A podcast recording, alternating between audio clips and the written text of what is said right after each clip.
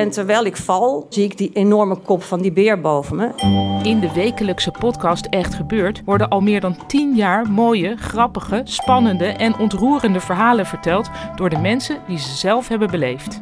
Het regende bommen, dat wil zeggen, om de zoveel tijd ontplofte er een bus. Er zijn al meer dan 400 afleveringen van Echt Gebeurd verschenen. Dit is geen sjamaan, dit is een achterhoeker. Abonneer je nu op Echt Gebeurd in je favoriete podcast-app.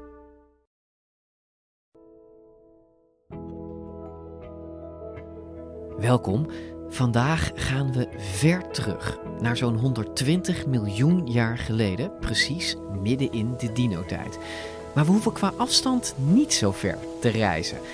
Want de waterplas die we vandaag bezoeken, die bevindt zich in wat nu het zuiden van België is. Het is een droge, warme dag aan het begin van de krijtperiode.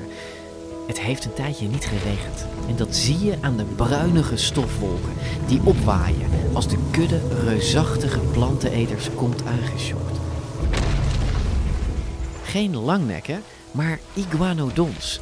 Dieren zo groot als een bus, staarten zwiepend in de lucht, op vier poten, maar soms ook even op twee. Aan hun voorpoten zit het kenmerk waar iguanodon beroemd om is. Die enorme, rechte, scherpe duimnagel, een stekel groter nog dan een mensenhand. De kudde die nadert bestaat uit tientallen dieren, groter en kleiner. En allemaal zijn ze moe. Ze komen van ver en ze hebben dorst. En dit meertje schittert ze aanlokkelijk tegemoet. De eerste dieren beginnen al gretig te drinken. En deze waterplas zal ook eerst hun dorst lessen. Maar hij zal ze daarna allemaal doden. En hoe ze stierven, dat gaan we je vertellen. Want in 1878, ruim 150 jaar geleden, werd de hele kudde, die diep in de aarde begraven zat, ontdekt door Belgische mijnwerkers. En zij haalden deze prachtige dieren voorzichtig één voor één naar boven en brachten ze dus eigenlijk weer tot leven. Je kunt ze allemaal bezoeken in het grootste dino-museum van Europa in Brussel. De iguanodons zijn de trots van België. En terecht, want ze vormen een van de belangrijkste dinovondsten ter wereld. Natuurlijk moesten Maarten en ik daarheen. Ja, wij hebben een forse rit naar uh, Brussel gemaakt. Waarvan eigenlijk het meest interessante aspect pas uh, veel later bleek. Namelijk? Want ik had toen corona. Ja, jij zat te snuffen naast mij in die auto. Hij zat naast mij. Ja. Twee uur heen en twee uur terug. En nu het wonder van de week. Gijs namelijk heeft geen corona gekregen. Nee, het is ongelooflijk. Eh, maar ik heb ook pas daarna gehoord dat ik corona had. Ja, nee, dit was helemaal niet met opzet. En het gekke is dat ik iedereen met wie ik in contact ben geweest in die twee of drie dagen dat ik het waarschijnlijk al had, Ja. heb ik gemaild of gebeld.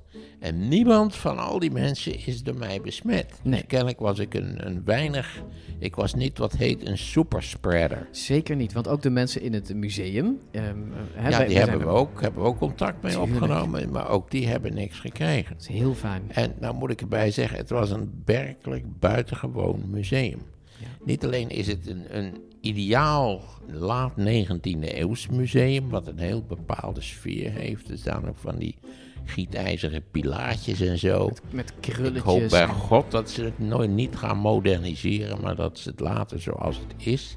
En daar staan werkelijk een hele reeks van iguanodons. Ja, Het is een, het is een familie eigenlijk. Je zou niet verbaasd zijn als ze plotseling geluid begonnen te maken en Ja. gezellige onderlinge vogelachtige contacten zouden maken. je voelt je heel klein als je daar binnen loopt. Ja, hè? het zijn enorme beesten en ik weet niet hoeveel het er wel niet zijn, toch een stuk of zeven, acht of zo. Ja, en, en iguanodons zijn bijna de eerste ontdekte dino's in de geschiedenis. En we kennen ze dus al heel lang.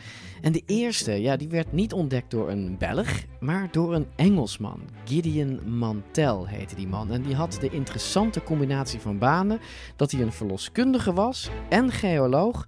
En als hobby deed hij dus ook nog paleontologie en fossielen deed hij erbij. Nou, blijkt het eigenlijk bij nader toezien dat zijn vrouw ze ontdekt heeft.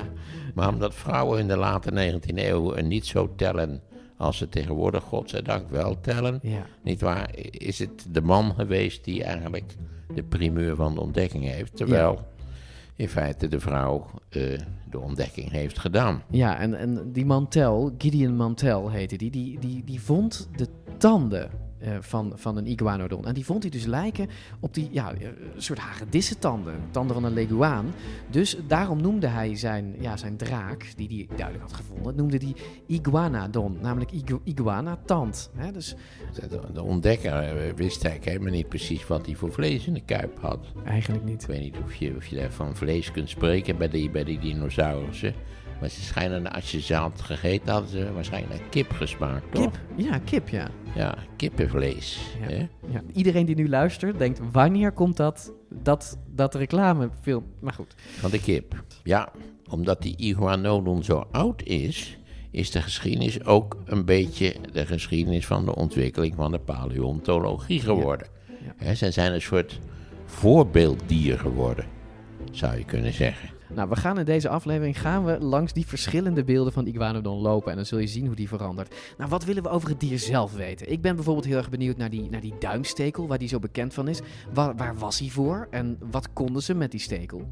Wat, wat nog veel interessanter is voordat we aan die duim komen, is eigenlijk het feit dat deze hele club van dieren daar opgesteld in het Brusselse museum Ja, bij elkaar gevonden zijn. ja dat klopt. Het is niet zo dat ze ze verzameld hebben, maar nee, ze waren al verzameld. Ja. Kennelijk was het een familie, dus het was kla- klaarblijkelijk een kuddedier. Eh, Ze het zijn in ieder geval tegelijk gestorven. En we Ja. gaan aan Koen vragen hoe dat, eh, hoe dat zit. En ja, eh, Belgische mijnwerkers die groeven ze dus op in de kolenmijn van het stadje Bernissare. Ze, vroeg, ze groeven dus een hele kudde op tientallen iguanodons.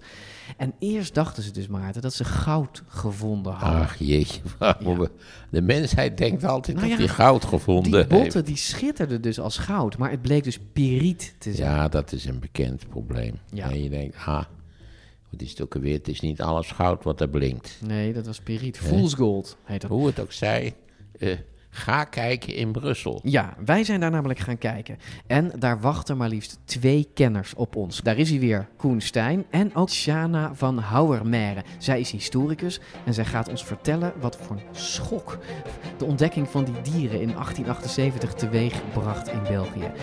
Op naar Brussel, dit is Dinocast. Ja, ziek en wel, maar ik heb ze niet ziek gemaakt. Nee, dat zou, dat zou sterk zijn als je ze ziek had gemaakt. Maarten van Rossum en ik, Gijs Rademaker, nemen je mee naar miljoenen jaren geleden. Want elke week worden er nieuwe dino's opgegraven en de ene ontdekking volgt de andere op. En resten ontdekt van de grootste dinosaurus De dino die ze vonden is veel specialer dan ze dachten. More than 20 different dinosaur tracks. Vergeet alles wat je dacht te weten over dinosauriërs. Het is tijd voor een nieuwe kennismaking met onze oude vrienden. In de podcast voor iedereen die vroeger al van dino's hield en nu nog steeds een beetje. Welkom bij DinoCast. dit zijn iguanodons. Ehm, is het trouwens iguanodon, iguanodon? Ik, ik denk Wat dat, zeg jij? Ik zeg eh, iguanodon. Iguanodon, zegt hij. Ja. Het- Wat? ik denk dat het niet uitmaakt. Ja, wij zouden volgens de Nederlandse klemtoon heel iguanodon moeten zeggen. Ik zeg Wat? iguanodons. Of igua iguanodons. Nee, ik zeg iguanodons. De Einde vraag is natuurlijk, wat zeiden ze zelf? Eh, goed. Ja. Maar Maarten, even. ehm, wij zijn hier dus ehm, het Koninklijk Belgisch Instituut voor Natuurwetenschappen. Ehm, je hoort, misschien, misschien horen luisteraars het een beetje echoen.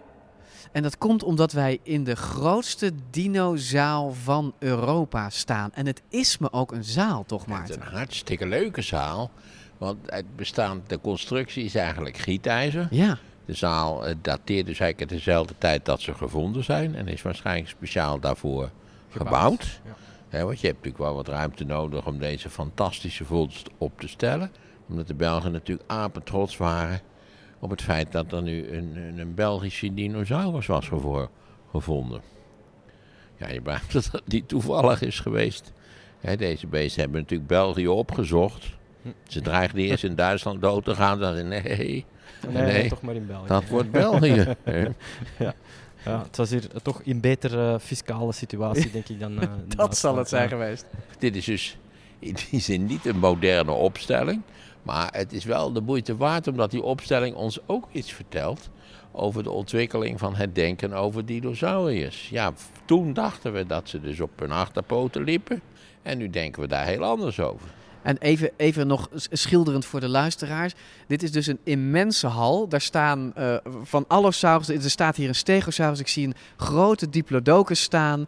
Ehm, en er staat hier gewoon een compleet leger aan Ja. iguanodons. Ja, dat is wel leuk natuurlijk. Het is, hoeveel zijn het er, Koen, hier? Ehm, nou, hierboven staan er een, eh, ik moet zelf even tellen, er staan er vijf aan deze kant van, Ja. de, van de glazen kooi. En dan heb je een tunnel om er eh, onderdoor te lopen. En dan staan er nog eens een stuk of vier aan de andere kant. Ja, en er staat hier nog een model. Dus Ja, er staat ook nog een er- afgietsel. Hier, er staan dus tien. En, en even Maarten, hoe, hoe hoog is zo'n zo'n iguanodon? Nou, als hij dus op zijn achterpoten staat, wat hij zelf dus niet deed, dan is hij toch wel, eh, nou, een meter of vier, zo? Koen? Ja, ik denk dat dat wel kan kloppen. Ja, Ja, vier vier, of vijf vijf meter. meter. Ja. Dus het is, een, het is een, ik vind het een bizar gezicht, want je ziet nooit zoveel dinosaurussen ehm, bij elkaar. Ja, eh, Koen die loopt hier dagelijks doorheen, Nee, maar Maarten je- en ik moeten toch even wennen. Ja, je hebt het gevoel dat ze toch bezig zijn met een soort dansje, een soort eh, volksdans van de dinosauriërs. Dat het een stam is. Ja. Dat idee krijg ik ook een beetje. Ja. Goed, er is zoveel aan Koen te vragen. En ik wil net mijn eerste echte vraag gaan stellen. Maar je weet dat je verloren bent als je hoort... Mag ik meteen even vragen? Het is een prachtige collectie. Mag ik meteen even vragen waarom ze zo zwart zijn? Oorspronkelijk waren ze eh, waarschijnlijk eerder bruinig van kleur. Maar ze hebben, ehm, dus, dus ze hebben van nature wel een heel donkere kleur. Maar ze zijn dan nog eens eh, behandeld om het piriet voor de conservering. Ja, voor de conservering hebben ze eh, er nog een eh, beschermlaagje op gedaan. Dat is al gebeurd kort nadat ze zijn gevonden tijdens het eerste preparatieproces. Ehm, Ze en dat zijn is dan gevonden in de jaren 80 van de 19e Ja. eeuw, toch? eh, 18, 1878. eh, En zouden we, zouden we zo'n laagje, als ze toen erop hebben gedaan... zou je dat nu ook nog doen als je, als je een, een botte zou vinden? Ehm, soms doen ze dat. Ehm, ze hebben daar ehm, een, een, een soort van lijm gemaakt van collageen. Dus een, een bottenlijm, als het ware. Ze hebben er eigenlijk lijm van botten op gedaan om de botten te conserveren. Ze hebben eigenlijk gewoon andere botten opgedaan, opgesmeerd. Ja, eigenlijk wel. Nou, was toch een leuke vraag. Maar nu gaan we beginnen bij het begin. Want hoe zag die wereld van 120 miljoen jaar geleden, het begin van het krijt, hoe zag die er precies uit? Ehm, ja, we spreken dan over ja, het, het, eh, Europa van het vroeg krijt. Je hebt dan een, eh, Europa is doorheen het krijt eigenlijk altijd een serie van eilanden geweest. Eh, en eh, die zijn door de loop van de tijd wel veranderd, maar je moet je voorstellen een, eh, een serie eilanden in een tropische omgeving. Het is een warm, vochtig klimaat.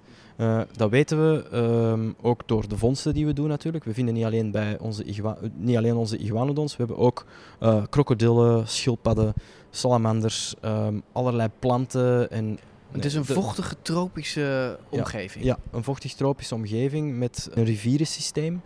Met eh, hier en daar moerassen. En je hebt wel een landverbinding tussen wat nu Zuid-Engeland is, tot in het eh, westen van Duitsland, want daar vinden we ook iguanodon terug. Eh, tot daar moeten ze zeker gewandeld kunnen hebben. Dus eh, ehm, daar heb je toch zeker een heel mooi eilandje. Een mooi eilandje. Of liever een verzameling eilandjes. Hè? Engeland, Schotland, Spanje en Duitsland waren een soort van tropische resorts met, met palmvarens en witte ongerepte zandstranden waar iedere projectontwikkelaar opgewonden van zou worden. Stel je even voor. And today we're counting down our picks for the top 10 resort destinations in the world. Of all the island retreats on Earth, this iconic getaway really requires no introduction. As you breathe in the ocean air, we guarantee that there's no other place you'd rather be. This is a place of rest and relaxation. Always with the reminder that, should you choose, adventure is just around the corner. Wherever you stay, you'll be seeing some of the world's most incredible creatures and awe inspiring natural sights. Maar goed, als je een kaart zou bekijken van Europa in die tijd, dan zou je in de vormen van het land eigenlijk helemaal niets herkennen van het continent dat er nu ligt. We hebben het natuurlijk over meer dan 120 miljoen jaar geleden en de aardkorst is altijd in beweging geweest. Maar je herkent het ook niet terug omdat de zeespiegel zo hoog stond dat ons halve continent zich op de zeebodem bevond, waaronder wij zelf hier in Nederland. Maar België dus blijkbaar niet. Nou, wat liep er behalve de iguanodons dan nog meer op het eiland van Bernissar rond? Nou, eigenlijk weten we dat niet zo goed. Maar ze waren zeker niet alleen. Er waren sowieso meerdere soorten iguanodons. En er zijn ook kleine botjes gevonden die zeker van een vleeseter zijn. Nou, zelf at iguanodon natuurlijk planten, vertelt Koen. En dat deed hij met ruitvormige tanden. Als, zie je wat voor bek dat is, Maarten? Dat is een gigant. en Daar ook, moet je kijken. Dat... Ik heb een afgietsel van zo'n tand eh, meegenomen. En ehm, ehm, hier is een stukje al afgekauwd. Je ziet natuurlijk, en ze hebben een beetje een, een ruitvormige voorkant, maar dan Ja, met eh, ribbels, hè? met ribbels aan de zijkant. Ja. Als je een niet aangekauwde tand zou zien, dan, dan heeft hij echt die mooie ruitvorm. En dan lijken ze heel hard op de tanden van een leguaan. Van een leguaan. Van een leguaan, ja. En dat is natuurlijk waarom dat Gideon Mantell, die de eerste vondsten heeft gedaan van iguanodon, ehm, dat waren tanden. Hij dacht dat het een hele grote leguaan was. Ja, logisch, want het zijn dezelfde tanden, alleen dan factor Fuck, 10 ja, echt groter. gigantisch veel groter Ja, natuurlijk. Als die natuurlijk, want je hebt toch bij, bij zoogdieren ook, die tanden die slijten. Hè, in een redelijk tempo feitelijk. Kwamen er dan nieuwe Ja, tevoorschijn? ja, heel eh, hun leven door, bij alle dinosaurussen is dat het geval, komen er nieuwe tanden. Dus die ruitvorm is natuurlijk heel handig, want dan kan, je, eh, dan kan je de vlakken van de ruiten aan elkaar doen aansluiten en krijg je een soort van tandenbatterij. De tanden in de onderkaak zitten met de glazuurzijde, ze hebben maar glazuur, tandglazuur op één zijde van de tand. Dus de achterkant van de tand, daar zit geen glazuur op, dat is allemaal eh, tandpulp. Ehm, aan de bovenkant zitten ze net andersom, met het glazuur aan de buitenzijde. Wat maakt als die tanden over elkaar zouden schuren, als hij zijn tanden toebeet, dat die zichzelf aanscherpten. Eh, omdat je een, een harde zijde aan één kant hebt en een harde zijde aan de andere Het kant. slijpt zichzelf. Het slijpt zichzelf heel de tijd door. Eh, en daarmee houd je de tanden dus eh, scherp. Oké, net als bij onze knaagdieren, of niet? Een beetje zoals bij knaagdieren. Als je naar de snijtanden van een konijn kijkt, ehm, is het een heel gelijkaardig systeem. Behalve dan dat het glazuur bij het konijn ook aan de buitenzijde van de tanden zit natuurlijk. Heb ik altijd begrepen dat ze helemaal niet kauwen konden. Ja, deze wel. Deze wel. Deze konden ja, kauwen? Deze konden kauwen. Ehm, als je naar sauropoden... kiezen en zo Ja, om het... Om het Ze kauwden eh, zeker niet zoals zo- zoogdieren. Hè? Want zoogdieren kunnen hun kaak ontwrichten. Dus wij, als wij Ja. kauwen, dan Ja, je kan het je kin van links naar rechts bewegen. Ja. Ten opzichte, dat, dat konden dinosaurussen niet. Ehm, en, ehm, maar als ze hun kaken toebeten, ehm, dan bewogen die kaakelementen wel over elkaar. Dus je krijgt eigenlijk een, ja, een, een, ehm, Toch een maalbeweging? Een maalbeweging Ja. doordat die tanden over elkaar kunnen schuren. Maar meer een verticale maalbeweging. Ja, een verticale maalbeweging in plaats van zoals bij ons een, eh, een horizontale Ja. maalbeweging. Oké, ja. nou, En nou wat, wat aten ze trouwens? Want dat moeten we ook nog even Ja, weten. ehm, ja als, als ik hier een, eh, een rondleiding doe met, eh, met kinderen, dan zeggen ze natuurlijk altijd gras. Maar gras dat bestond helemaal nog niet. Ehm, dat is pas eh, veel later ehm wijdverspreid geraakt. Ze aten waarschijnlijk eerder eh, planten zoals paardenstaarten, ehm eh, a- apenstaartbomen, hè, de Dat, zijn, dat is een stevig materiaal om paardenstaarten te eten. hè? Ja, ja, ja, ja. En het opvallende is dus, ze aten en liepen in principe op vier poten, maar ze konden ook op twee. Nou, dan kon je namelijk rennen als het moest, of natuurlijk bij de hoogste blaadjes komen. Toen de iguanodons werden opgegraven, dacht men dat ze in de kangeroehouding stonden. Op twee benen en de staart op de grond, hè, als een soort steun. Dat dachten ze vroeger van veel dino's, ook van T-Rex bijvoorbeeld. Maar op deze manier staan de iguanodons dus nog steeds opgesteld in Brussel. Waarom? Jullie hebben ze laten staan in eigenlijk een oude opstelling die niet in overeenstemming is met de werkelijkheid. Nee, dat klopt. Ja, ze staan dus nog altijd op, op hun achterpoten in de, de kangoeroehouding, waarvan ze toen dachten dat is de correcte houding van die dieren. Vandaag weten we dat ze op hun vier poten liepen. Ja. Ehm, maar Ja, het, er staat- ja, er staat hier, hier een, een afgietsel, een kopie die als het ware uit de glazen kooi komt gewandeld. Die staat wel in de correcte houding. Ehm, maar het heeft twee redenen om ze in de oude opstelling te laten staan. Drie redenen eigenlijk. Ja, we hadden die oude monturen, die oude frames waar dat de botten op gemonteerd zijn. Eh, dat zijn eigenlijk ook al kunstwerkjes, want ze zijn gemaakt in een periode waar er nog geen lasapparaat bestond. Oh. Dus al die metalen ja, eh, structuren die, aan elkaar, die zijn aan elkaar gesmeed. Eh, de tweede reden is ehm, financieel. Als je al die skeletten ook nog eens opnieuw zou moeten gaan hermonteren, dat is een fortuin. Ja. Ja. En eh, een derde reden is, ja, je zou dan ook botten moeten gaan breken om ze op dat nieuwe frame te kunnen plaatsen in die nieuwe levenspositie. Want sommige van de wervels die zijn aan elkaar ja, vastgecementeerd tijdens het fossilisatieproces. Wat maakt dat het wel heel moeilijk wordt om, om, om ze dan in de correcte houding te zetten. Oké, helder. We laten die beesten gewoon zo staan in Brussel. Rechtop zijn ze ook mega indrukwekkend. En dan gaan we nu toe naar het geweldige wapen dat Iguanodon had om zich te verdedigen tegen aanvallers. Sommige dinosaurussen hebben scherpe tanden, andere dikke schilden of puntige hoorns of een staart met stekels. Maar Iguanodon, die heeft een duim. Een duim? Ja, de duim. Ja, eh, de duim. Ja, ja. Als je even kijkt, het is geen kattenpis. Nee, het is, Het is, het fin- zo'n klauw. Het is, die, Ja. het is zo groot als je hoofd. Ja, het is ongeveer 10, 20, cent- 15, 20 centimeter lang. Ehm, en je moet je voorstellen dat er ook nog een, eh, eh, een, een schacht van keratine op zat. Hè? Dus echt een nagel die Oh, er ja. nog op zat. Eh, wat maakt dat hij nog 10% groter moet geweest zijn. One of Iguanodon's defining characteristics was its peculiar thumb spikes. When it was first discovered, it was presumed to have been a nose horn. Later finds revealed that it was not a horn, but a modified thumb. Iguanodon's hands are definitely different. They had very unusual thumbs, in that their thumbs are spikes instead of normal thumbs. Now, why do you think iguanodons had this thumb spike? En er is iemand die een, eh, een FEA-analyse heeft gedaan. Dus dat is een, een analyse waarbij dat ze gaan kijken naar krachtenverdeling en hoe die krachten het beste opgevangen worden eh, door de pols en de duim. Ehm, en het is echt wel een, eh, een, een steekmechanisme. Dus eh, Oh, echt wel om echt te waar? prikken, ja. Eh, de krachten worden het beste opgevangen, eh, omdat die, die pols die is ook allemaal heel sterk, die botjes zijn allemaal sterk aan elkaar gegroeid. Ja. Ehm, wat, hem, wat, die heel stevig, wat hem heel stevig Maar maakt. wat Dus deed u daarmee? Als het een Eh, soort af- steekwapen is. Meppen. aan, aan meppen, ja, meppen aan aanvallers. Eh, zich op zijn achterpoten, op zijn achterpoten en dan... eh, Het is alsof je met je duim in iemands oog probeert te steken, Maarten. Dat is denk ik het idee. En die duim, die was dan wel... Het, het, het is wel een klauw, hè? Ja, het is echt wel een klauw. Niet, ja. niet iets om iets open te krabben of zo. nee, je kan de zijdelingse bewegingen, dat zou moeilijk geweest zijn. Nu, ik, ik sluit niet uit dat ze er ook wel eh, hun nesten mee zouden bouwen. Maar dat is puur speculatief. Een geducht wapen Een dus. geducht wapen, ja. Je moet niet onderschatten. Ehm, hij kon zich er wel mee verweren.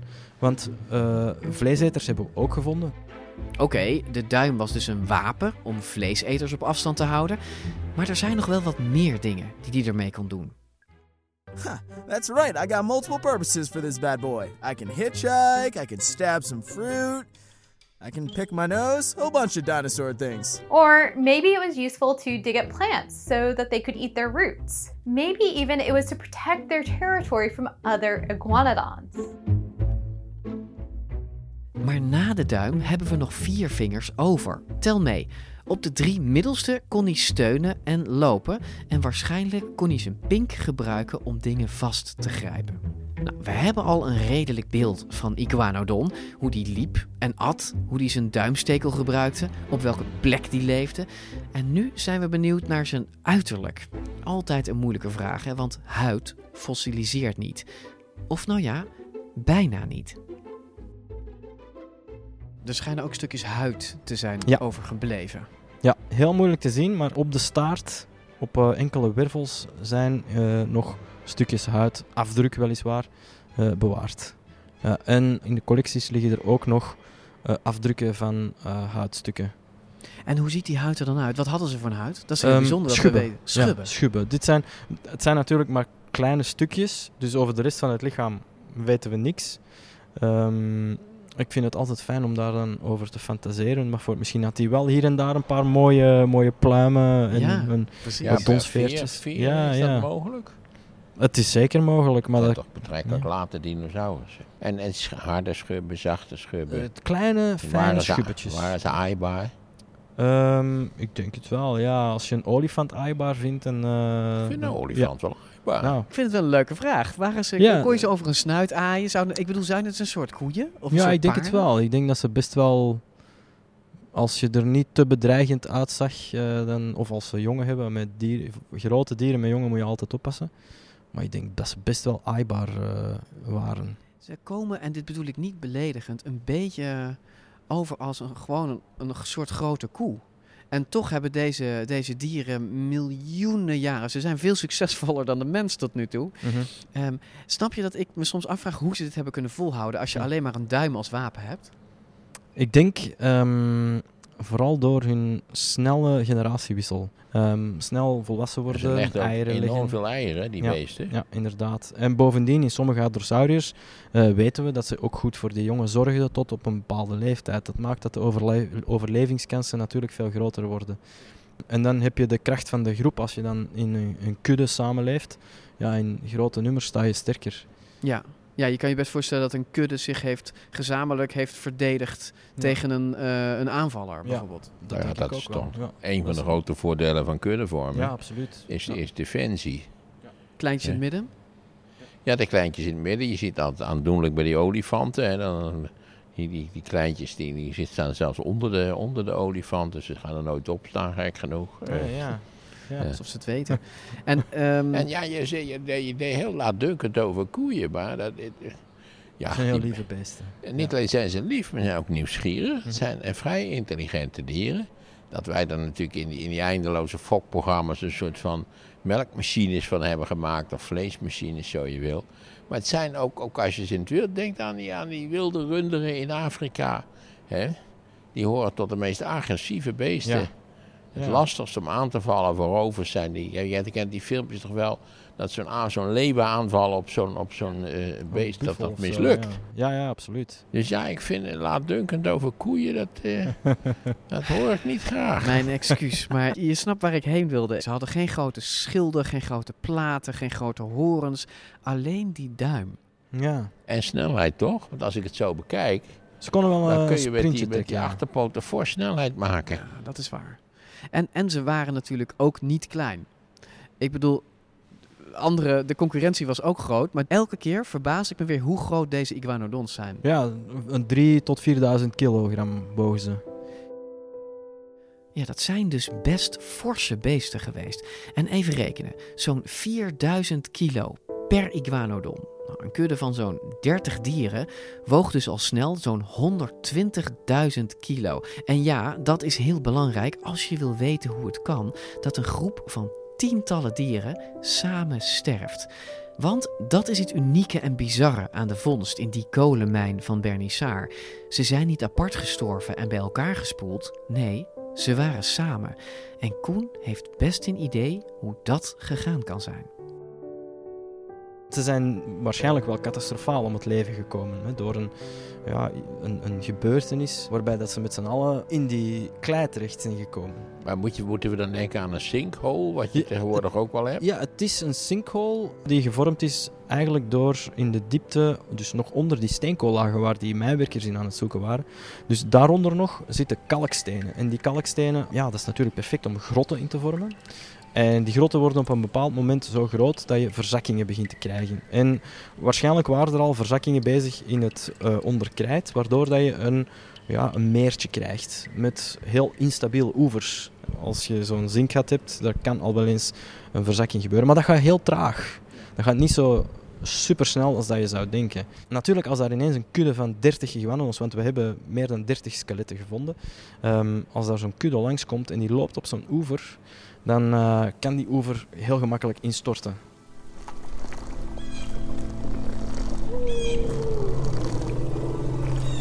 Ja, en Zo kan het dus gegaan zijn met onze vermoeide kudde, dankbaar drinkend aan de rand van dat meertje, 120 miljoen jaar geleden, in Bernissar.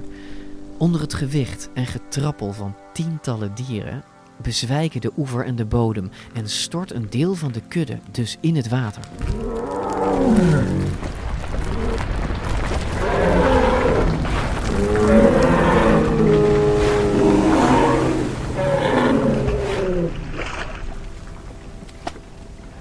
En die dieren geraken dan in paniek. En, en daar is waar dat we denken ook waar dat de piriet vandaan komt.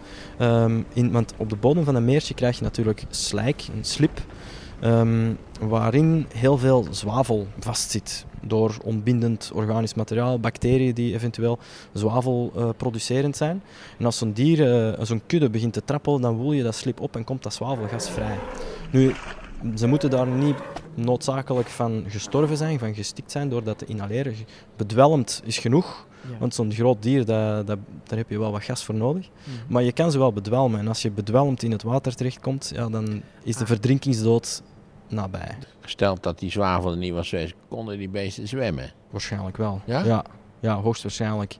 Ehm, er zijn studies gebeurd over het drijfvermogen van eh, dinosaurussen. Eh, en sommige dinosaurussen zouden iets beter drijven, zoals bijvoorbeeld de sauropoden door hun luchtzakkensysteem. Ehm, maar eh, ja, zo in de natuur kunnen, bij mijn weten, alle dieren wel zwemmen. Zelfs een vogel, als die in het water terechtkomt, kan een stuk zwemmen. Ja, vraag hem niet om, om 30 kilometer te zwemmen, ehm, maar tot aan de oever van, van een meertje, dat zal wel lukken. Ja, dus, er moet, voor zo'n dus vandaar ook dat jullie dachten, oké, er moet iets anders gebeuren. Als ze er, Ja. ja. want, want anders Ja, zwemmen ze er wel anders uit. zwemmen ze er wel klimmen uit. er wel uit. Ja, Ja, ja. Tenzij natuurlijk dat inderdaad die oevers van dat meertje zo instabiel zijn dat bij het verder proberen van eruit te klimmen, dat die verder afkalft. hè. Een beetje zoals een ijsschots. Maar, maar ehm, de aanwezigheid van zoveel piriet, ehm, eh, het zwavelgebonden ijzer eigenlijk, ehm, ja, doen we, doet het vermoeden dat er in heel veel zwavel aanwezig moet geweest zijn. Ze, waren ze allemaal van dezelfde leeftijd ongeveer? Geen jongen erbij? Nee. Of, eh, Ja, of en- bejaarden? Het zijn wat kleinere, toch? Ja, er waren twee. Er zijn tussen die. Ja, om, een, om tussen de 30 en 40 skeletten zijn er twee die inderdaad een kleiner formaat zijn. Ehm, en er werd een tijd gedacht, dat is misschien een juveniel, een, jonge, een jonger dier, want ze zijn echt heel veel kleiner. eh, de, de helft eh, van, van de lengte, dus bijna een vierde van het gewicht. En ehm, we hebben daar onderzoek op gedaan, dus eh, dat is precies wat ik doe. Ik boor gaatjes in, eh, in botten. boort om, gaatjes in dino's. Ja, eh, dat is een nachtmerrie van elke curator. eh. Ehm, Maar maar als je sommige- zoveel botten hebt, mag je er wel een Ja, paar ja, uitboren. sommige curators zijn er Ja? eh, niet zo happig op eh, dat ik eh, zo'n... eh, We hebben een heel fijn boordje. ja, mijn, ja, ik neem, moet toch een, eh, een centimeter doormeter Oh, eh, appelboor nemen. Dat is Dat is vrij een flink. Ja, Ja, ja. ik ben blij dat dat niet in mijn botten gebeurt. Ja, ja maar jij, die botten van die iguanodon zijn, zijn best wel groot genoeg. En de- we hebben daar dus ehm, monsters van eh, genomen en eh, de groei bekeken. En bijna alle Iguanodon bernisartensis zijn volgroeid, maar die twee kleinere individu's die zijn ook volgroeid. Oh. Dus het, is geen, het zijn geen jongere dieren. En, ehm, eh, Dat is raar, toch? ja, nou ja, op zich niet echt. Want als je naar moderne ecosystemen gaat kijken, zie je daar ook wel ehm, meerdere soorten bij elkaar in een kudde. Ik denk maar aan zebra's en gnoes, eh, om heel opvallende verschillen te tonen, maar ook verschillende eh, gazellen. Je hebt heel veel verschillende antilopensoorten. Oh, dus dit was een subsoort iguanodon? Ja, die kleine iguanodon die krijgt de naam Mantellisaurus. Zelfs vergeleken met de kleine Mantellisaurus zijn wij drieën hier, Maarten, Koen en ik, nietige dwergjes in een museum vol verstilde, donkere reuzen. De trots van België. Dit is de trots van België, laten we eerlijk zijn, Mhm. toch? Ja. ja, als ik het zelfs mag zeggen, het topstuk of de topstukken. Ja, Ehm, wat een, wat een vondst natuurlijk. ja, En het dan is- in de 19e eeuw. En dat je die van die, wat is het, 36 van die beesten bij elkaar vindt. Want Maarten, wij hebben geen dino, hè? Nee, nee, nee. Maar nou zitten wij natuurlijk, vergeet niet, dit is in een kolenmijn gevonden. En, eh, het overgrote deel van Nederland is, is eh, aangespoeld in de, in de laatste pakkenbeet 25.000 jaar. Ja. Wij zijn een rivierdelta. Maar zij hebben gebergte. Zij hebben Ja. Echt? Zeven- zes Ah. tot 700 meter. Ja, Nou maar- ja, nou. ja dus oh, flinke heuvels. Ja. Hey, vanuit onze Nederlandse Ja, is blik is, een dat een goudmijn. Hè? Wij hebben helemaal niks. We Ja. hebben een Oh, subtropische nou, pas op, pas op, want ehm, ook, hè, je, je, je zei je hebt geen dino's. Ja. Oh, je- Mosasaurussen zijn inderdaad geen dino's. je dino's, hebt hè? natuurlijk wel eh, mooie Mosasaurussen. En ehm, er zijn, eh, als ik me niet vergis, ook Hadrosaurus-botjes gevonden in het krijt. Dat is in dat deel van Nederland wat eigenlijk tot België hoort. Dat klopt, ja. Dat is wel waar. Ja. Fair enough. En onderschat niet hoe belangrijk deze ontdekking was in die tijd. Hij daverde door de wetenschappelijke wereld en niet alleen daar. Ook voor het land, België, was dit een bijzondere gebeurtenis van nationaal belang, vertelt historica Shana van Houwermere ons, ook in het museum.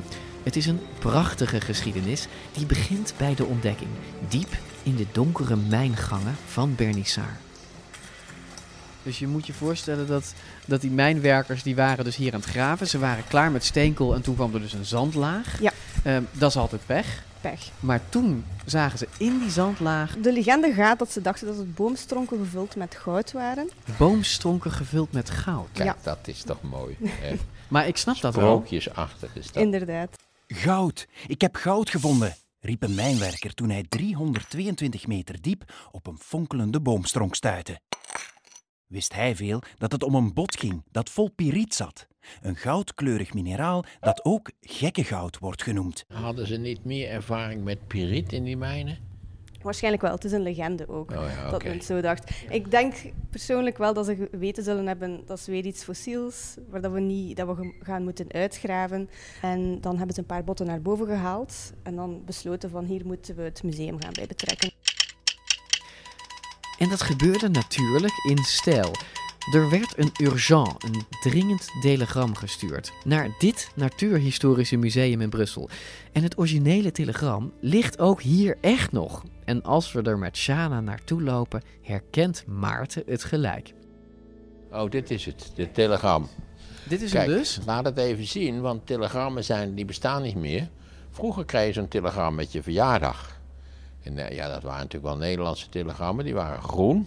Maar dit, kijk, dit kan dichtgevouwen worden, het telegram. Het wordt door een telegrambesteller, wordt je dat aangeboden. Heb jij dat in je verjaardag nog gekregen? Zeker, Echt zeker. waar? Ja, ja, ja. Dat eh, kunnen we Ja. ons niet voorstellen, hè? Ja, ik kom ook globaal uit hetzelfde tijdperk. Als mensen. 18. Ja. Ik ben dan blij als ik een sms'je krijg. Ja, als je jarig bent. Hè? Ja. Shana, dit, dit is dus het beroemde telegram. Ja, inderdaad. Deze telegram werd dus gestuurd naar Edouard Dupont, eh, directeur van Natuurhistorisch Museum. En hier staat er dus op, we hebben een heel belangrijke ontdekking gedaan ehm, in een breuk in de charbonnages van Bernissart. Ehm, we zien dat het aan het vergaan is door het piriet. Stuur de pauw, hij moet hier morgen vroeg om 8 uur 's morgens aan het station van Mons van Bergen staan. Ik zal hem opwachten. En dat gebeurde ook. En dat gebeurde ook. Dus hij kwam meteen. Meteen.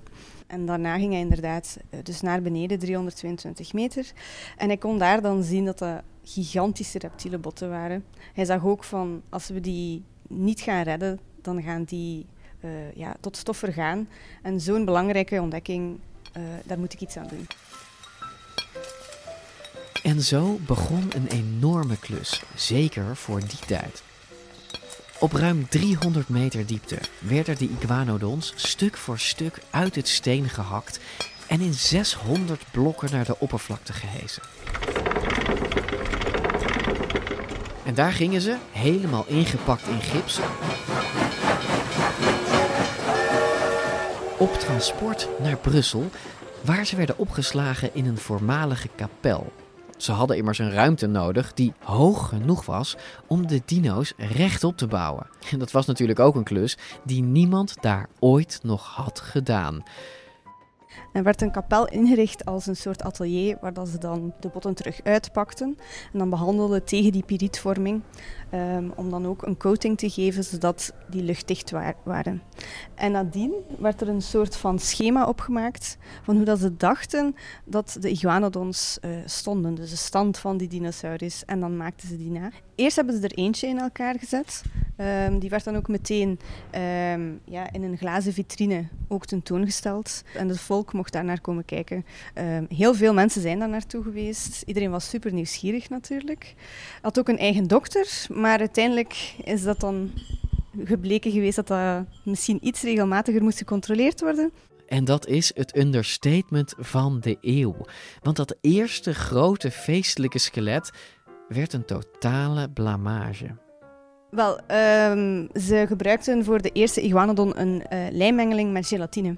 En aangezien dat die ook in een soort serre stond, met glas dat volledig tot de nok van het dak ging, fungeerde dat als een soort broeikas.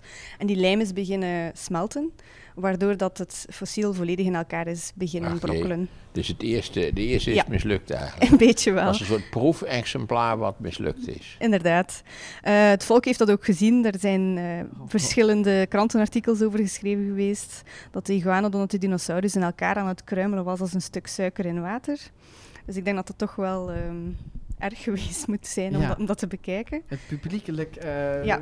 falen van de wetenschap, zeg maar. Nee, het nee, zien. nee, nee, nee, het was, het was nuttig. Een experiment. Omdat je daardoor die andere 35, die kon je daardoor effectiever beschermen. En zoals altijd heeft Maarten gelijk. En zo geschiedde. De rest van de iguanodons mislukte niet. En die kun je hier in het museum in Brussel nog in alle pracht en glorie aanschouwen. Nou, en hier en nu, in de 21ste eeuw, zijn Maarten en ik nog steeds diep onder de indruk. Maar stel je eens voor wat de impact van deze dieren 150 jaar geleden moet zijn geweest op mensen.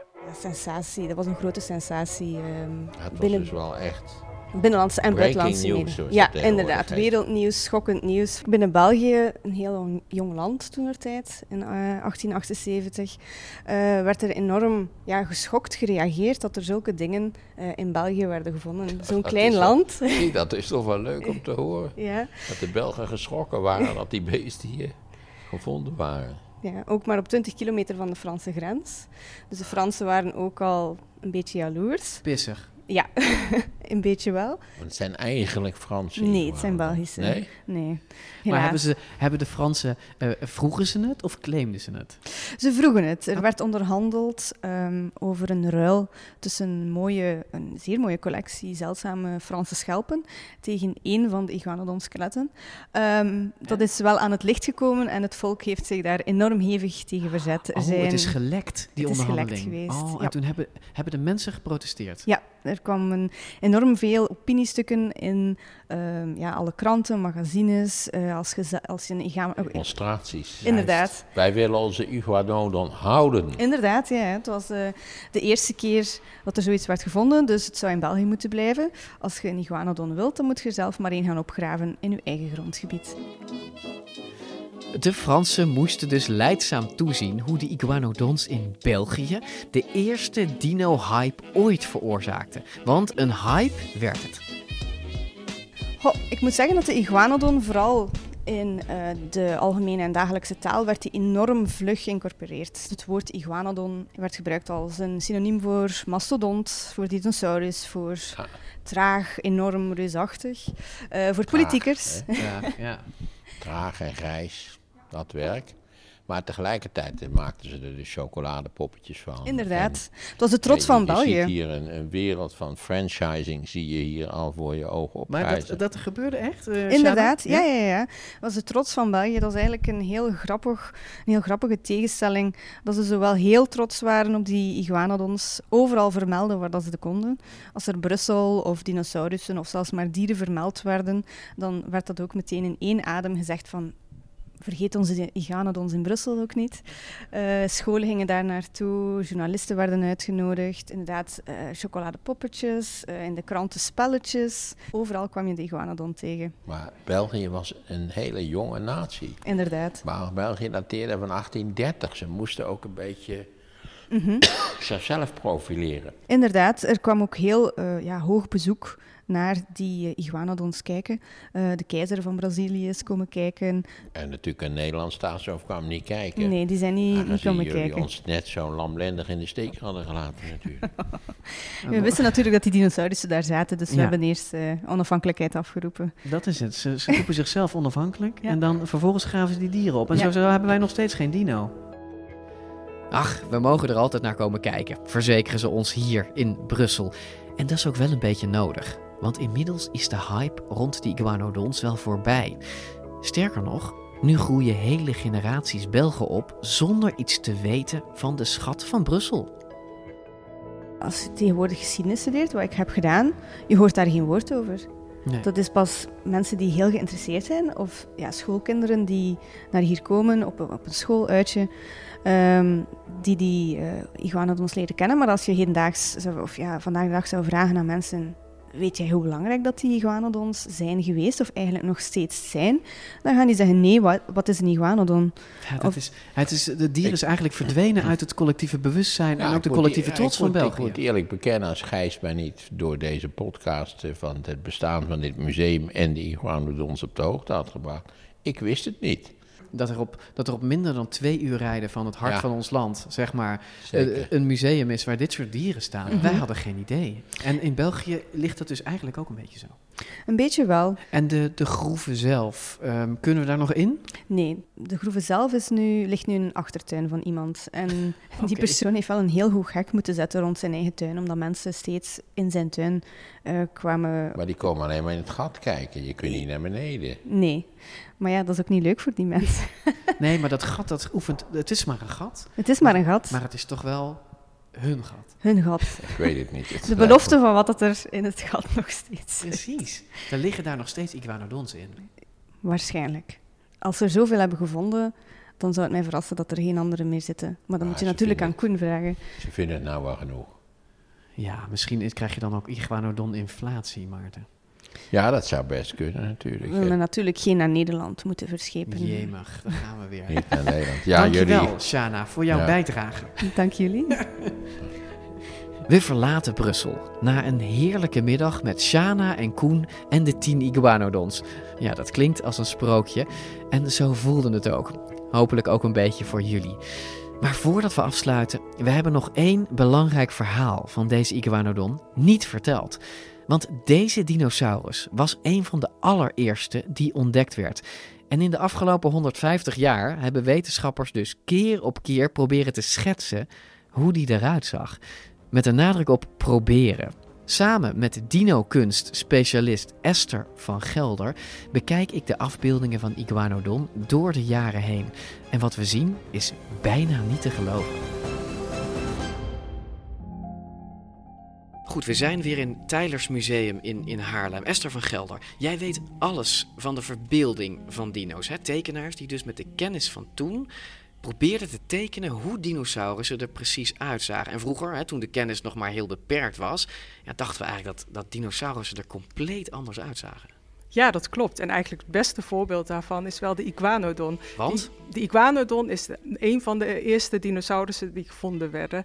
Iguanodon was one of the first dinosaurs ever named, and it was one of the three dinosaurs originally used to define Dinosauria by Sir Richard Owen in 1841. But Iguanodon was found long before then. The first iguanodon tooth was found in the 1820s by Mary Ann Mantell in a gravel driveway. Her husband, Gideon Mantell, was a keen fossil collector and located the quarry where the gravel was from. There, he found more teeth and some bone. En in het begin van de 19e eeuw werden in Engeland een aantal resten gevonden die helemaal aan elkaar gepuzzeld werden tot een enorme planteneten van wel, nou ja, ze wisten niet hoeveel, maar het moest Meters minstens lang. 10 meter lang zijn.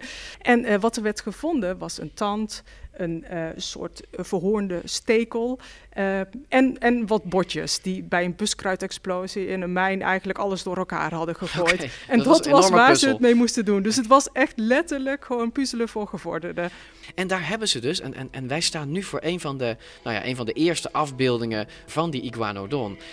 We zien een, een idyllisch, paradijselijk landschap. Een, een, een waterval, wat palmen, wat rotsen.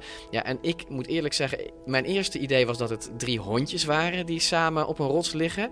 Als je beter kijkt, dan lijken het een soort draakachtige leguanen. Maar ze hebben een grote hoorn op hun neus. Eh, ja, Dat, dit zijn dus iguanodons, begrijp ik? Dit zijn dinosaurussen. Word je er bang van? Nou, absoluut niet. Ik vind het er schattig en aandoenlijk uitzien. Hoe hebben ze in godsnaam dit als iguanodons kunnen tekenen? Ja, nou ja, ze hadden dus eh, die paar resten die ze aan elkaar puzzelden. En er waren echt alle beroemde geleerden in die tijd waren daarmee bezig. En er waren wel al een paar van die skeletreconstructies gemaakt. En daarbij speelde die tand eigenlijk een grote rol. Want die leek, op een legu, eh, leek eigenlijk op een leguanentand. Ehm, dus waarschijnlijk zal dat beest er ook uit hebben gezien als een soort van leguaan. Op zich een prima idee. Ja, ja. Ze konden die tand eens vergelijken met de leguanen van Ja. nu. En dus dachten ze, oké, de tand is ongeveer hetzelfde. Dan zal het hele beest er wel Ja, ongeveer zo alleen de tand was wel eh, tien keer zo groot of twintig keer zo groot. Dus dat beest moet ook zoveel groter zijn. En eh, dat is wel het mooie wat je ook in dit beeld ziet. Hè. Ze zijn een beetje groenachtig, ze hebben schubben. eh, nou ja, ze hebben een beetje van die gespreide pootjes, een lange staart. Ze kronkelen om elkaar heen. Inderdaad als spelende hondjes bijna. Met Ja. Mensen die het, het willen zien, die kunnen op dinocast.nl even zelf de afbeelding bekijken, want daar staat hij. Ja, het ziet er heel gezellig uit. Ja, het is echt een heel vredig tafereeltje. En als je dat vergelijkt met andere beelden die in die tijd gemaakt werden, is het ook is het heel contrasterend. En dat is wel leuk dat je in die 19e eeuw zie je echt gewoon verschillende interpretaties ontstaan. Ik bedoel, het is echt een ontdekking van de oertijd, ontdekking van een wereld die nog nooit iemand heeft gezien. Ehm, zou, het, zou het de hel op aarde zijn geweest of was het juist eh, nou, het aards paradijs? Hè? Rond dezelfde tijd eh, werd er in Londen een, een beeldentuin gebouwd, eh, die je nu nog kan zien. Hè? And you can still visit these sculptures in London today. They were sculpted by Benjamin Waterhouse Hawkins and unveiled in 1842 in the Crystal Palace in London. Crystal Palace Park. Ja. Ehm, en da- ook daar eh, gigantische beelden van, van de eerste reptielen en de eerste dinosaurussen. Waaronder dus de iguanodon. Ja. Ik begin bijna weer te lachen. Kun jij omschrijven hoe dat beest eruit ziet? Ook deze staat op de site, jongens, maar probeer het eens te omschrijven. Ja, Ehm, nou, de iguanodon uit Londen was inderdaad ook een soort leguaanachtig, maar dan zag je er misschien meer uit als een soort olifant. Hij had enorme dikke poten die recht onder zijn lijf stonden. Ja, ik krijg associaties met een neushoorn of een nijlpaard of een olifant of zo. Ja, hij was, hij was ook echt vlezig. Hij had eh, nou ja, een hoop vet op zijn botten. These sculptures show Iguanodon looking like an oversized fat iguana. Nothing like our reconstructions today. Eh, een soort van eh, nou ja, kam op zijn, eh, met stekels op zijn rug. En op zijn neus prijkte een hoorntje. Weer die hoorn, hè? Weer die hoorn, inderdaad. Die hadden ze ook je- gevonden natuurlijk, hè, tussen die de botten. Ze, ja, dus die was inderdaad bij elkaar gepuzzeld. en eh, nou, ja, die hoorn, dat wisten ze niet, maar ze kenden wel leguanen of hagedissen... die inderdaad ook een, gehoornde hagedis, die ook zo'n hoorntje op hun neus hadden. Dus ze dachten van, dan moet het, die hoorn die moet op die neus hebben gezeten. Waardoor je nu dus een of andere enorme neushoornachtige leguaan kreeg. eh. Samengevat, de iguanodon van de, van de 19e eeuw was een, een logge, neushoornachtig wezen met een grote hoorn op zijn, eh, op, op, op zijn neus. Toen werden natuurlijk die iguanodons in Bernissar gevonden en die zorgden voor een totale verandering van het beeld van het dier. It wasn't until nearly 30 years later, when the first full iguanodon skeleton was found, that scientists were able to have a better idea of what they actually look like. Since then, Iguanodon has undergone some major transformations. Ja, eigenlijk in één oogopslag zag je toen opeens dat, eh, dat die dieren waarschijnlijk op twee eh, stevige achterpoten stonden. Dat, eh, dat het horentje op, hun, op de duim zat. Hij Ja. ging dus van vier poten naar twee poten. We staan hier bij een schilderij. Dit is de iguanodon uit mijn jeugd. Ja, dit is zoals nou ja, kinderen gewoon jarenlang de iguanodon hebben gezien. Als een soort kangoeroe, rechtop, met de staart over de grond slepend. Een tikkeltje sloom en, eh, en Ja. traag. En inderdaad, eh, die, eh, die duimen gewoon stevig omhoog. Eigenlijk gewoon constant in een soort oké-houding loopt hij rond. Rechtop staat. Ja. Klopt dus niks van. Nee, en dat is het leuke eigenlijk aan, aan die paleontologie en aan die paleokunst. Steeds als er iets nieuws wordt gevonden, dan, wordt dat beeld, dan zie je dat beeld ook weer meeschuiven. Ja, dat is het leuke, zeg jij. Maar je kan ook denken, we zijn de hele tijd voor, de, voor het lapje gehouden. De ene keer eh, eh, loopt die iguanodon op vier poten, is hij heel log, heeft hij een hoorn op zijn neus. Dan staat hij weer rechtop als een kangoeroe. Nu staat hij toch weer op vier poten. Ja. De Belgen, die denken dat ze het nu wel goed hebben. Ja. Op dat moment denkt iedereen dat ze het echt goed hebben. Want eh, dat is wat je. Ja, je hebt dat fossiele bewijs, je hebt al dat onderzoek eromheen. Ja, en maar wat garandeert dat, ze, dat we het nu wel goed hebben? Nee, helemaal niks. Helemaal niks. Nee, er kan zo weer een, een hele kudde gevonden worden uh, die laat zien dat ze, weet ik het, in het water leefde bijvoorbeeld. Maar weten we er nog zo weinig van? Zijn we nog op ja. dat basisniveau? We zijn echt wel op een heel hoog niveau al. Uh, er is zoveel meer gevonden in die 200 jaar. Maar het is, is soms toch nog echt op, ja, op echt heel fragmentarisch bewijs uh, gestoeld. de Brontosaurus die iedereen kent. De schedel, jij weet, weet jij hoe het hoofd van een Brontosaurus eruit ziet? Gewoon een klein hoofdje. Ja, nou, gewoon zo'n klein hoofdje wat de meeste langnek hebben met van die kleine tandjes. Maar ja. het hoofd is nooit teruggevonden. Toch zie je echt nooit een langnek of zo'n brontosaurus zonder hoofd. Wacht even, uh, er is nog nooit nee. het hoofd van een brontosaurus. Die, nee. die, die, die, dinosaurus, daar speelden wij vroeger al mee. Ja, ja dat, was gewoon, dat was een van mijn favorieten. Gewoon, maar dat hoofd hebben ze dus verzonnen, begrijp ik. Ja, ze hebben eerst het hoofd van een andere langnek erop gezet. En gedacht van dat zal, het, uh, dat zal het geweest zijn. Dat werd later ontmaskerd, dat dat niet goed was.